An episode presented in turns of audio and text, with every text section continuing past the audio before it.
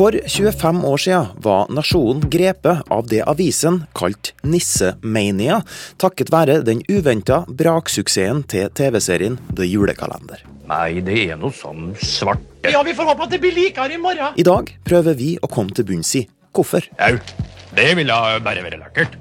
Hvorfor ble en dansk TV-serie oversatt til tulleengelsk og tjukk trøndersk et av 90-tallets store mediefenomen?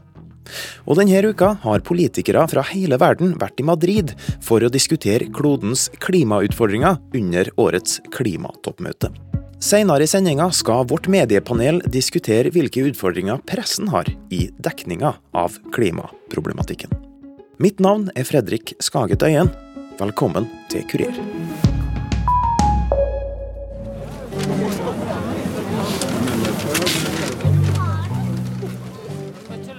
Det er en mørk og stormfull aften. Eller, det er en mørk ettermiddag, og været er litt sånn bob-bob, kan vi kanskje si. Jeg står ute på Trondheim torg sammen med mange andre oppmøtte, og fryser. Men på tross av den kalde vinen, så ligger det òg ei kollektiv forventning over forsamlinga om at det her snart skal bli bare lekkert. Det er ikke litt rart at vi fortsatt hører på? Nei, jeg syns ikke det. For det- er så spesielt at det er bra. Det var noe skikkelig høydepunkt den gangen det kom. Ja. Så det har jeg sett på. Har til og med sett noen av reprisene. Ja. Ja. For snart skal Traveling Strawberries spille konsert. Du vet, dem fra The Julekalender. Jeg har vært og sett på Traveling Strawberries eh, to ganger. Ja, på den siste uka, ja. Og det er vel nå på sin plass å påpeke at året er 2019, ikke 1994. Jeg gleder meg til å få takke dem etterpå for at eh, de kommer hit og spiller på Gryte konsert. Til inntekt for Frelsesarmeen. Det syns jeg er kjempebra. Men nå må jeg gå og stille meg på den sida der som jeg skal stå. Ja, gjør det. Så får jeg god konsert og god gang. Hei, hei. Her er Traveling Strawberries.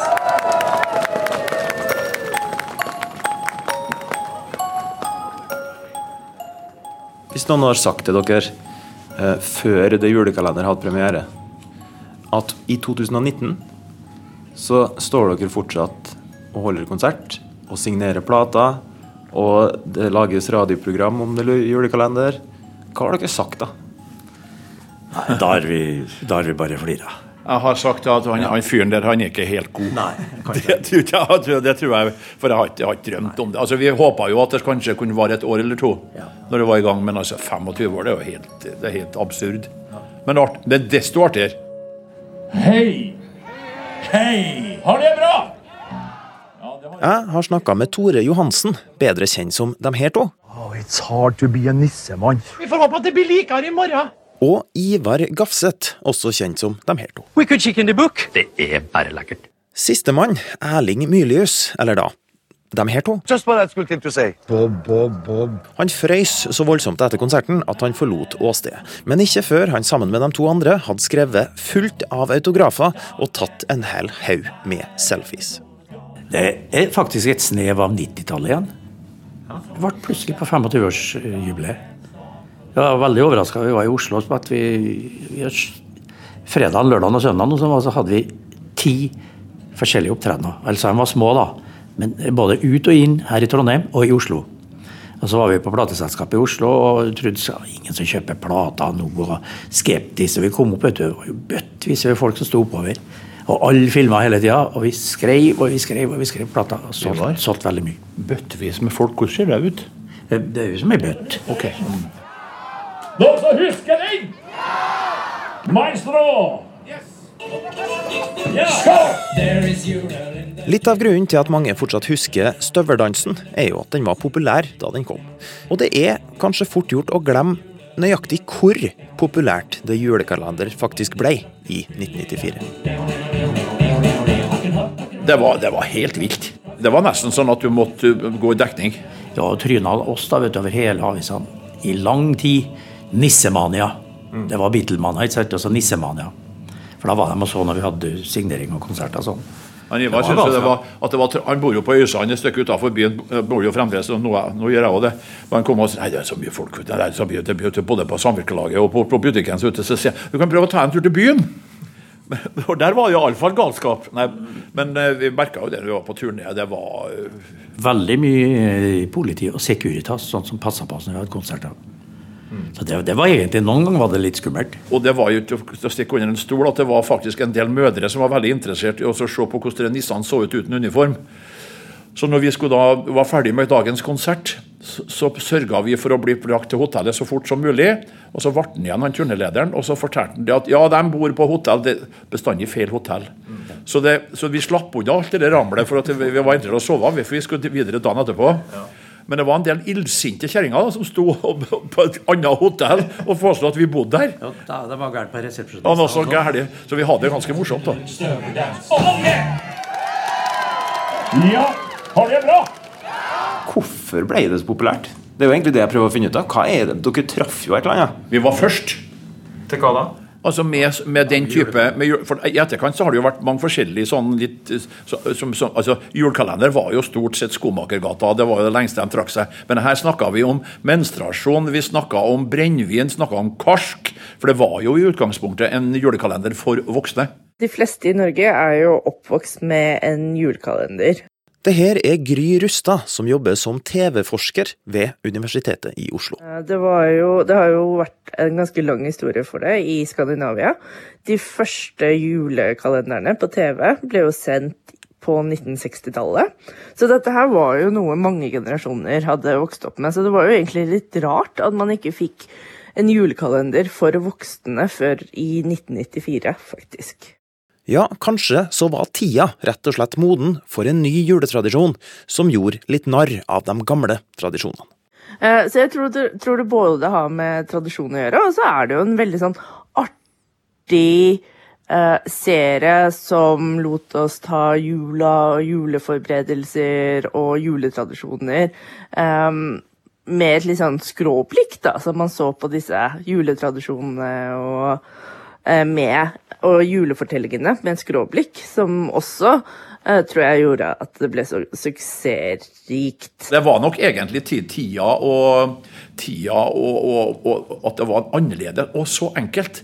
Alle sammen har jo ei tante eller et søskenbarn eller ei mor som er Gjertrud. Altså Som pynter seg mest da i hjel og er eiegod.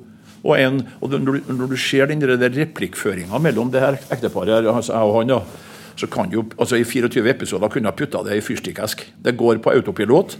Ja, vi får håpe det blir likere i morgen!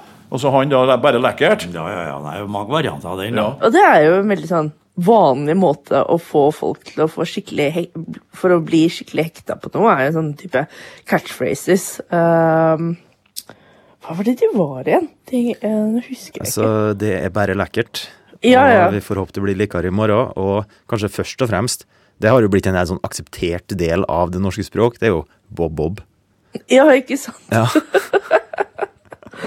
Og da ser man jo også uh, hvor, uh, hvordan uh, de julekalender på en måte har overlevd, og hvor innflytelsesrik den var, da, er jo at disse catchphrasene har gått inn i språket vårt, i dagligspråket. Uten, og jeg tror det er sikkert det er ganske mange som ikke er klar over at det kommer fra eh, Sånn som Bob Bob ikke kommer fra det julekalenderet engang. Og med og så Ja, altså selvsagt musikken har jo også vært veldig viktig. Jeg tror CD-en med musikken til The Julekalender var vel der, et av de mest solgte albumene det året. Da røy det jo på med platina, og dobbel platina og trippel platina, så det Og da fikk vi ikke mer. Ja, når trippel platina var kommet, så Da solgte det bare videre. Men sa nå får de ikke flere. Selv om vi ikke liker å anerkjenne det, så hører det jo med til historien at The Julekalender egentlig er dansk. Den danske versjonen av The Julekalender kom i 1991, var nesten prikk lik den norske, bare da på dansk, og skapte den samme nissemanien som her hjemme, om ikke enda verre. Som et eksempel på hvor stort det ble i Danmark, her er et lydklipp av nissene fra den danske The Julekalender, som underholder i Dronning Margrethe av Danmarks 70-årsdag.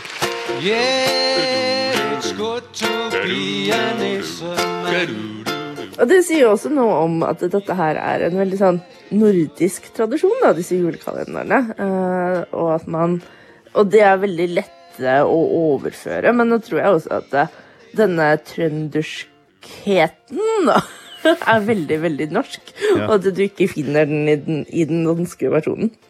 Jeg veit ærlig talt ikke hvordan det står til med danske julekalendere nå om dagen, men her i Norge så er arven etter det Julekalender i hvert fall tydelig å se. Etter det Julekalender så fikk vi jo Prøvde vel TV2 seg på noen forskjellige serier. Sånn Juleferge òg, husker jeg. Og Vaselinas jul. Det mest su suksessfulle etter Julekalender har jo vært Nissene på låven. Altså, den var jo en mye mer rendyrket komedie enn det uh, det Julekalender var. Som var mer spennende, da, og hadde liksom dette spenningsplottet og disse skurkene og sånn. Ja, og vi må nesten snakke litt om det òg. Hvem er den mystiske personen i mørket? For jo da, mye av grunnen til suksessen er at serien retta seg mot voksne. Men nesten den eneste grunnen til at jeg husker den, var at den traumatiserte meg som barn. Er dette en julekalender? Følg med i morgen. Jeg har fortsatt ikke blitt mer redd for noe. Nå er jeg blitt 30. Jeg var fem år når det kom. Da, da, da ble du redd. Og jeg ble så Husk på ja, det er Jeg- og det er ikke kødd. Nei, men jeg vet det. Han har skremt altså, det, Vi har fått som beskjed om det, at, at, at altså, det Erling Mylius med Bendy-figuren har skremt vannet av en åker Altså generasjoner med småunger. Ja, jeg, synes jeg hadde jo gledet meg litt til å møte den, da, bare for å liksom face my fears i dag. Ja, ja, ja. Men Vi skal se til ham, da. han, han sier jo det. Han jeg har ø, skremt livet av unger i 25 år. Han. Hva har de Julekalender gjort med livet deres? Altså, hvis jeg skal snakke så, altså, Det er jo det at du blir jo gjenkjent stort sett der du går. Iallfall en eller annen som altså, Det er jo selvfølgelig da ikke like som det var. Men du, du går sjelden du er, ikke, altså, du er ikke anonym, nei. Du blir gjenkjent, og folk nikker. Men det som er litt ålreit, syns jeg, da, det er jo det at folk smiler. Hender at man går på gata, ikke sant? og så hører vi, kommer det noen folk forbi, og så hører du at Der går hun! Enda om jeg går da i herreklær. Så, så jeg, jeg syns det er koselig, det har, men det har forandret Selvfølgelig, alt var før og etter julekalenderen. Det, er den som ser noe annet, den bløffer. Har det vært noe negativt? Har det liksom gått utover noe? Altså, det har kanskje, om ikke oss, men kanskje litt familien. Altså, det er jo ikke like hyggelig for ungene mine ikke sant, å være med pappa, og han blir igjen og det består, bla, bla, bla. Jeg ser jo at det, de syns det kunne bli litt meget i og likeens hun som jeg bor sammen med, også, fruen. Syns sikkert det er godt å slippe, da. Samme her. Men, noe- noe- men noen sånne store ulemper har vi ikke hatt. altså. Det, de vokser opp med det, de kjenner til det, så de er veldig klar over at det men jeg syns det blir litt mye da, i, i, i bolka. Vel meget, ja. Akkurat nå er det litt vel meget. Men det vi syns det er artig, ja. Hva syns dere sjøl når dere ser det igjen? Hva tenker dere i dag? Når dere ser Jeg ser jo ikke, sitter jo ikke glade på serien hver kveld, det gjør jeg ikke, for det har vi ikke tid til heller. Men eh, Men det jeg ser, Andre den største forskjellen, vet du, den ser jeg, den, i hvert fall for oss toene, det er jo rundt biltremma. Men penere har vi blitt da. ja, definitivt. Ja! Nå skal vi nå ikke Jau, jau, jau, det er bare skjønner, vi, vi, vi, er- vi er en av der ennå.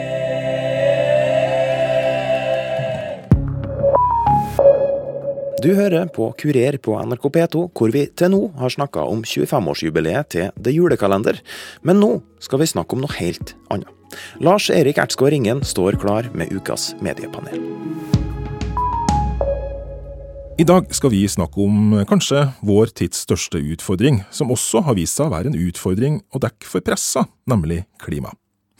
I går eh, ble det avslutta et stort klimatoppmøte i Madrid, og tidligere denne uka kom beskjeden om at Greta Thunberg er kåra til årets person i Time Magazine.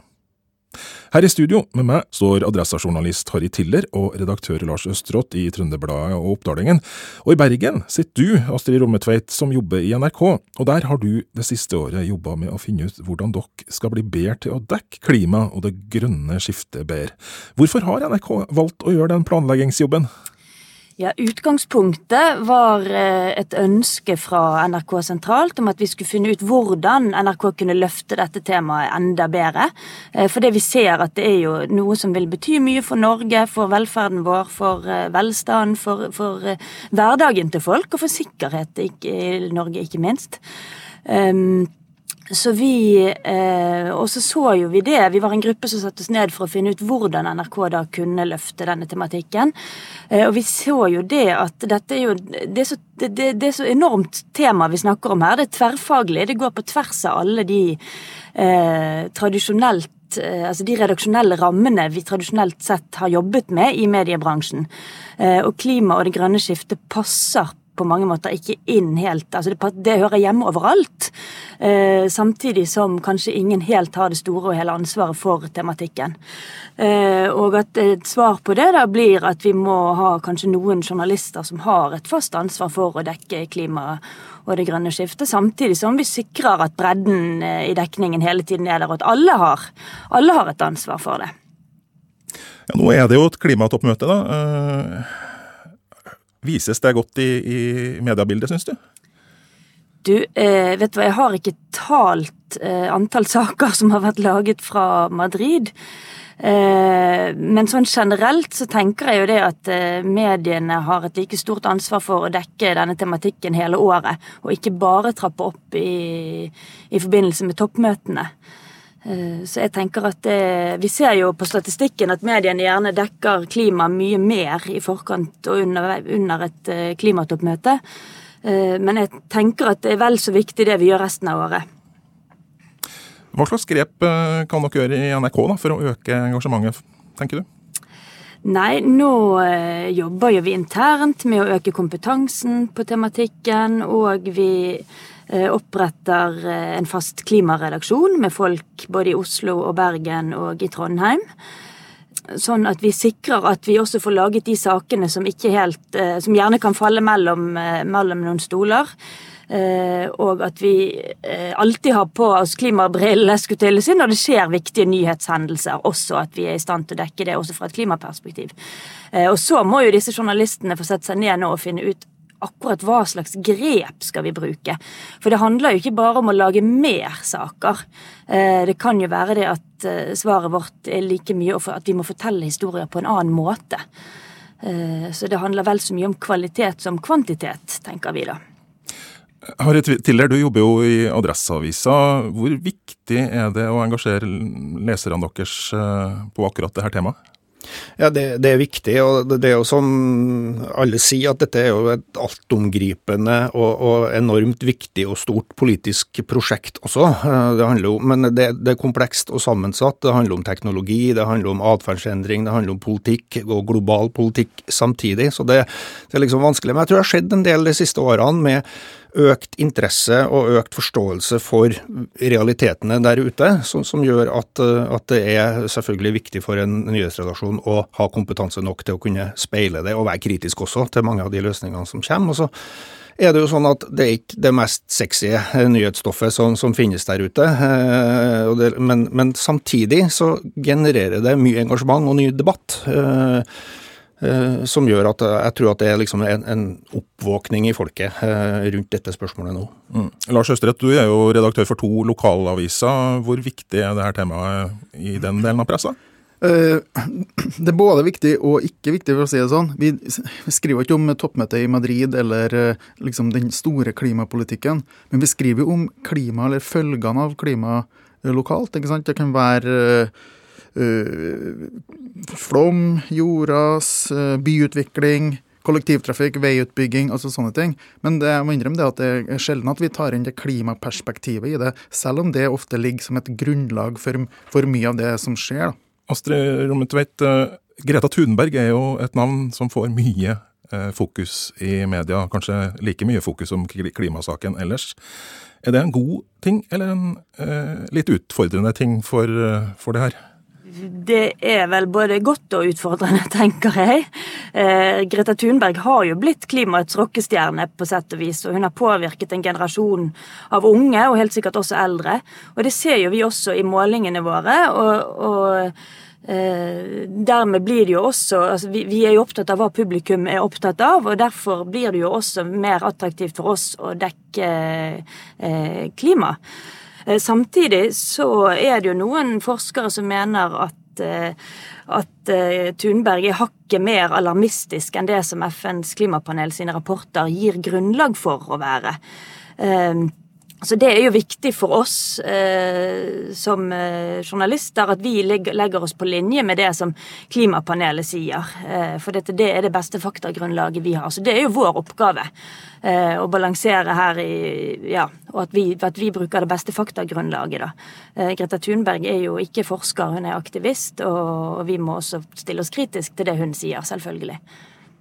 Ja, det tror jeg er et, et veldig viktig poeng. Jeg tror Greta Thunberg har vært utrolig viktig for særlig unge menneskers engasjement på klima. At du får et ansikt og noen som, som, uh, som går foran. Uh, bruker riktignok sterk retorikk og sterke virkemidler, som, som, gjør at vi som journalister også må behandle henne på på en uh, kildekritisk måte.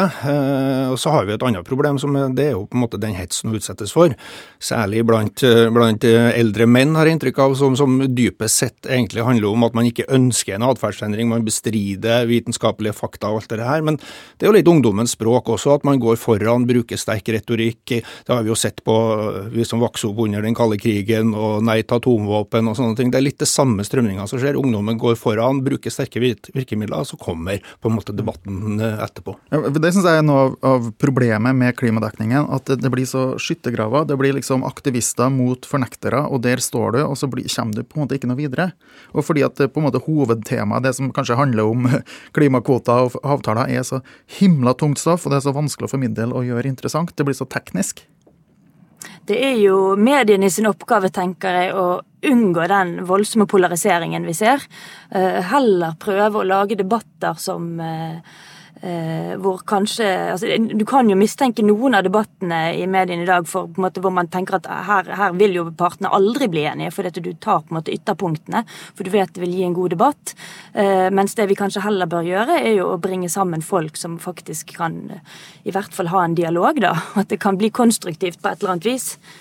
Altså, problemet er jo at nesten hver gang man, man, diskuterer klima, så må man begynne på, på, null igjen. Man må liksom begynne å diskutere om uh, klimaendringene er menneskeskapt eller ikke. Man legger på en måte ikke dokumentert dokumenterbare vitenskapelige fakta til grunn for, for, diskusjonen, så at du liksom hele tida må ta med disse og De skal jo være en del av debatten, selvfølgelig, alle disse klimarealistene eller klimaskeptikerne, kan du kalle det, men liksom, man kommer ikke videre. for man liksom begynner liksom i samme suppa hver eneste gang man skal diskutere klimaløsninger, om, om, dette er noe som lille Norge skal bry seg om, om det er noe vits i eh, solstormer og alt dette her, som, som gjør at liksom, sånn, man får ikke en sånn faktabasert diskusjon. Da. Det, det tror jeg er litt av utfordringa. Og det som er faren, hvis vi henger igjen i den diskusjonen til enhver tid, så eh, glemmer jo vi kanskje de viktige diskusjonene, der som de store pengesummene ligger i dag, der eh, det det egentlig handler om, som er er det grønne skiftet, og hvilke løsninger vi skal gå for. Eh, så det er, jo, det er jo på tide at vi legger bak oss den debatten som du peker på der. Lars Østerått, eh, tror du den nye medieøkonomien der eh, det er viktig å få folk til å klikke og kjøpe abonnement, bidrar til å dempe klimaengasjementet i media? Det tror jeg nok. Eh, vi er jo ikke sånn helt gale klikkjegere som vi kanskje var for noen år siden. Men likevel, vi må jo skrive saker som leserne er opptatt av, og som de eh, leser, annonsene vises, som de kjøper abonnement på. Nå er det kanskje heldigvis kan du si da, en viss eh, økende interesse for klima. Kanskje vi er flinkere til å skrive om klima og gjøre det mer interessant, men det er klart at det ikke er det mest populære stoffet vi har langt derifra. Takk for at du var med, Lars Østrått, og takk også til dere, Harry Tiller og Astrid Rommetveit. Og jeg heter Lars Erik Ertsgaard Ringen. Om du som hører på har et spørsmål, en kommentar eller et tips til oss i Kurer-redaksjonen, send oss gjerne en mail til kurer.alfakrøll.nrk.no. Kurer er tilbake neste uke. Mitt navn det er Fredrik Skaget Øyen, og jeg håper helt oppriktig at du får ei fin helg.